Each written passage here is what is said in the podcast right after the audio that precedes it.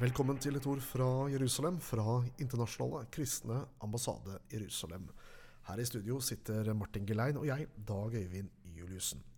Og Martin, vi arrangerte folkemøte for Israel i Kuppelhallen i Stavanger lørdag 14. mai. Du var der, Martin. Åssen var det? Ja, Det var fantastisk. Det var flere høydepunkter. Josef Haddad var jo der, og eh, Hananya Naftali, eh, som kom, eh, vi flydde inn fra Israel.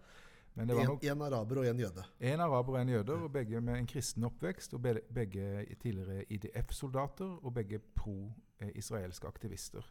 Så det var vi veldig stolte av, og det var veldig spennende å høre dem. Og det var veldig mange mennesker, så det var veldig vellykka. Ja, så fint. Men det var nok et høydepunkt å høre ambassadør Alon Roth ja. sitt foredrag. Han har vært i Norge og skal nå avslutte sin termin her. Han har vært her siden snart fire år. Og vi ga han jo en avskjedsgave, et rosemalt fat, som en eh, norsk kunstmaler, eh, Alon Rott, nei, unnskyld, Rune Nescher, eh, hadde malt. så det var jo litt gøy for oss å sende det videre med på ferden hans. Men hva vil du hente fram av det Alon Rott sa, Martin? Nei, ambassadøren advarte mot antisemittismen i Norge.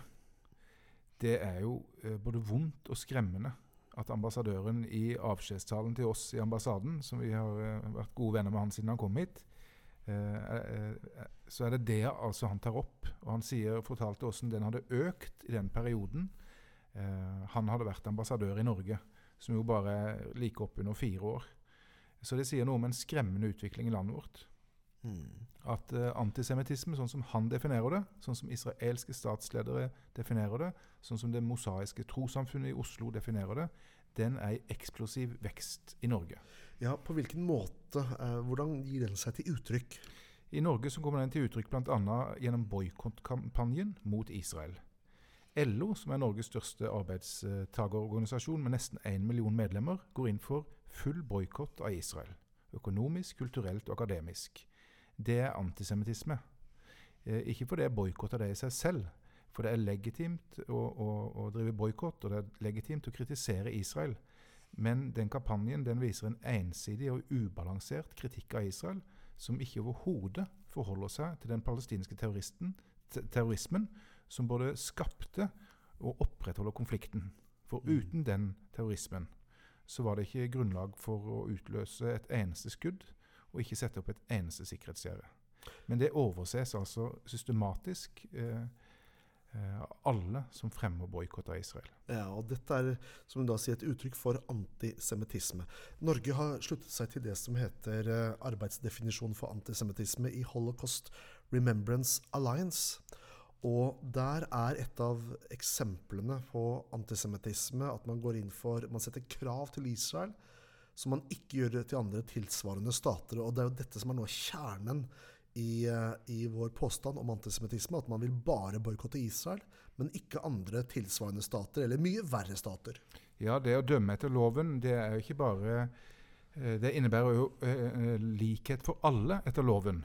Så det å bruke en type argumentasjon og fordømmelse av den bitte lille jødiske staten, og samtidig ikke bruke den på noen av de arabiske omkringliggende statene, eller noen andre stater for øvrig i hele verden, mm. det er et uttrykk for en urettferdighet som vi benevner ved navnet antisemittisme. Og det er jo det LO forfekter.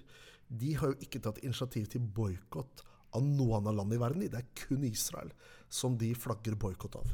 Ja, og du har eh, sterke krefter i Norge som går enda lenger. Du har Palestinakomiteen, som jo er en sånn venstre og eh, eh, aksjonsgruppe. Eh, de har jo medlemmer, profilerte medlemmer, både stortingsrepresentanter fra Arbeiderpartiet og Rødt og SV.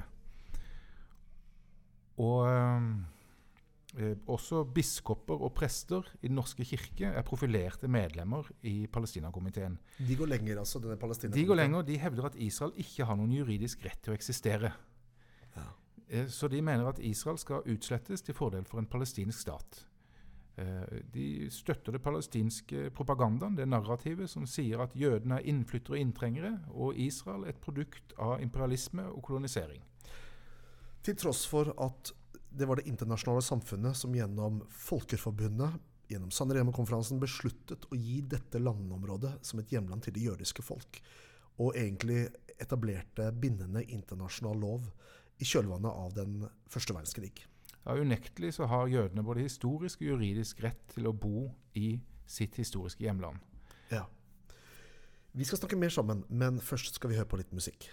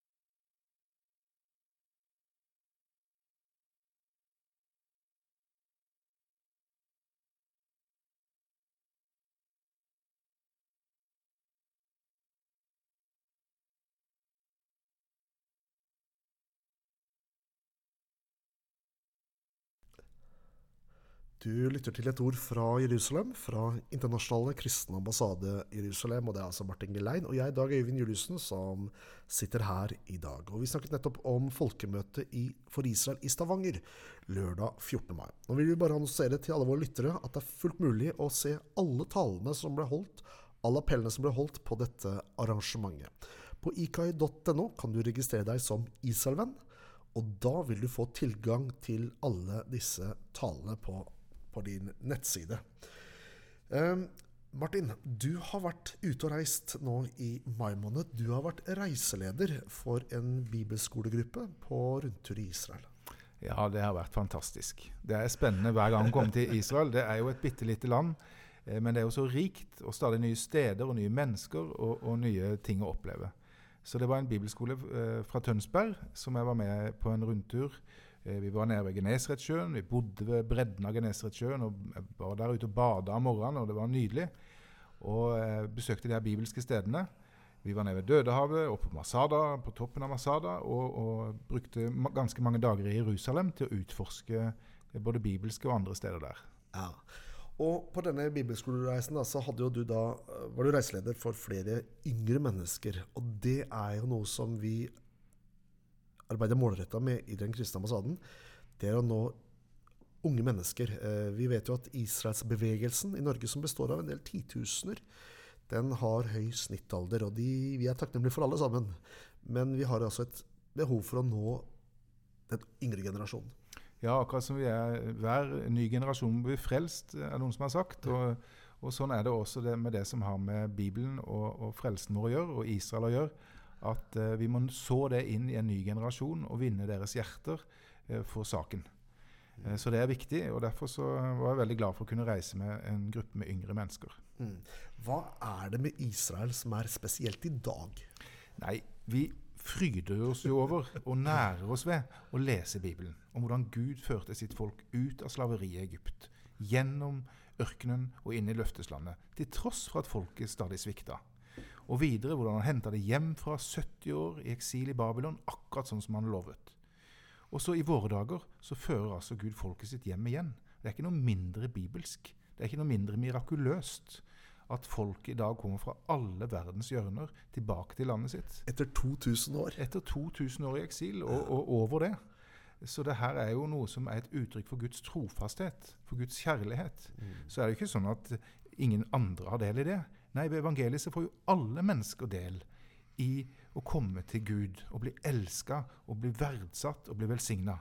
Men Gud har altså en vei for jødene og en annen vei for oss folkeslaga for å komme dit. Ja. Men frelsen er jo bare gjennom Jesus. Frelsen er bare gjennom Jesus, men veien vår er jo dit. Jeg har jo vært rusmisbruker. I ettertid, etter at jeg ble frelst, så så jeg hvordan Gud hadde ført meg i en prosess gjennom lidelsene mine og mennesker som, som eh, påvirka meg, sånn at jeg kom til det punktet hvor jeg knelte ned alene og ropte på Jesus. Og Bibelen forteller at Israel som folk skal ha en sånn foregående prosess. Og En del av den prosessen er at Gud skal hente det hjem av bare nåde. Og det gjør han rett foran øynene på oss alle sammen, og til tross for at nå alle verdens nasjoner eh, nærmest samler seg imot dem. Ja, Jesus har sagt det i sitt ord at 'jeg har sagt dere det før dere skjer', for at dere skal tro når det skjer. Og det kan man jo si. At det å være vitne til hva Gud gjør med dette folket i dag, det gir jo tro. Det, det, er på en måte et bevis på at Bibelen er sann. Det er et bevis på at Gud eksisterer. Og det er et bevis på at Gud er trofast. Han holder det han har lovt. Fantastisk. Fantastisk. Da har vi kommet til veis ende i denne sendingen. Du har hørt Martin Gelein, og jeg heter Dag Øyvind Juliussen. Og det er altså programmet Et ord fra Jerusalem som du har fulgt, fra Internasjonale kristne ambassade Jerusalem. Takk for i dag. Gud velsigne deg.